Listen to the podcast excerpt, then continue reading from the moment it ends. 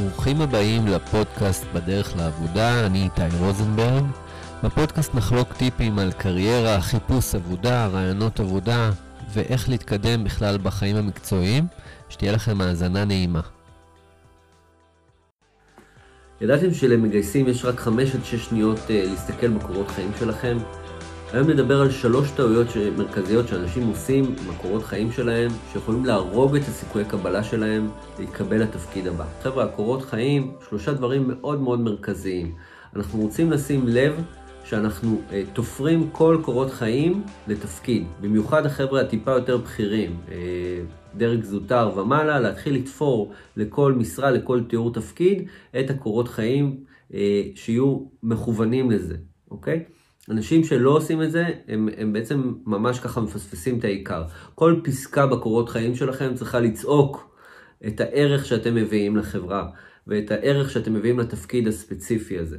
אז מי שלא עושה את זה, חבל מאוד, ותתחילו לעשות את זה, באמת לתפור כל קורות חיים לצורך התפקיד או המשרה הבאה. הדבר השני, אסתטיות. חבר'ה, אסתטיות של הקורות חיים.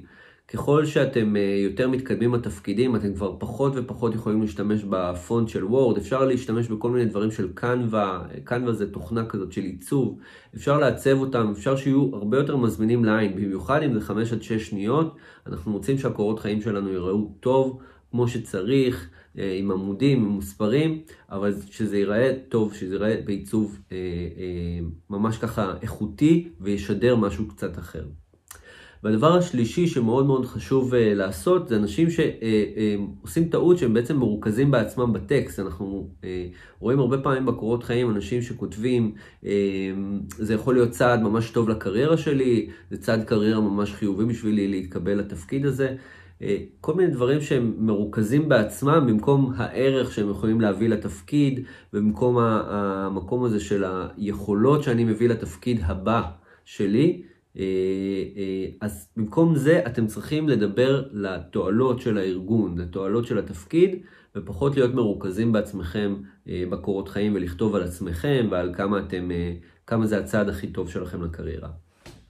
אז זה שלוש טעויות שאנשים עושים. אז זה השלב הראשון, זה המבחן הראשון שאתם, אה, אה, כדי להתקבל לתפקיד. כמובן שהשלב הבא זה רעיון עבודה ואיך אתם עוברים אותו, ועל זה אנחנו מדברים ככה בכל שאר הסרטונים, אבל תקפידו שלפחות הקורות חיים שלכם, בעצם הכרטיס כניסה שלכם לארגון, יראו כמו שצריך. אני מאוד מאוד ממליץ שאת הקורות חיים שלכם, כמו שהם, תשימו גם בלינקדין, למי שאין לינקדין, אני תמיד ממליץ לפתוח לינקדין, זאת רשת חברתית תעסוקתית, זה לא יותר מדי מסובך אה, לפתוח את הלינקדין, זה כמה דברים פשוטים שצריך לעשות, ושם כבר אפשר להרחיב עוד יותר ולקבל המלצות מעמיתים וקולגות ולפרסם פוסטים, אה, אבל אה, בהחלט אפשר שם להרחיב יותר.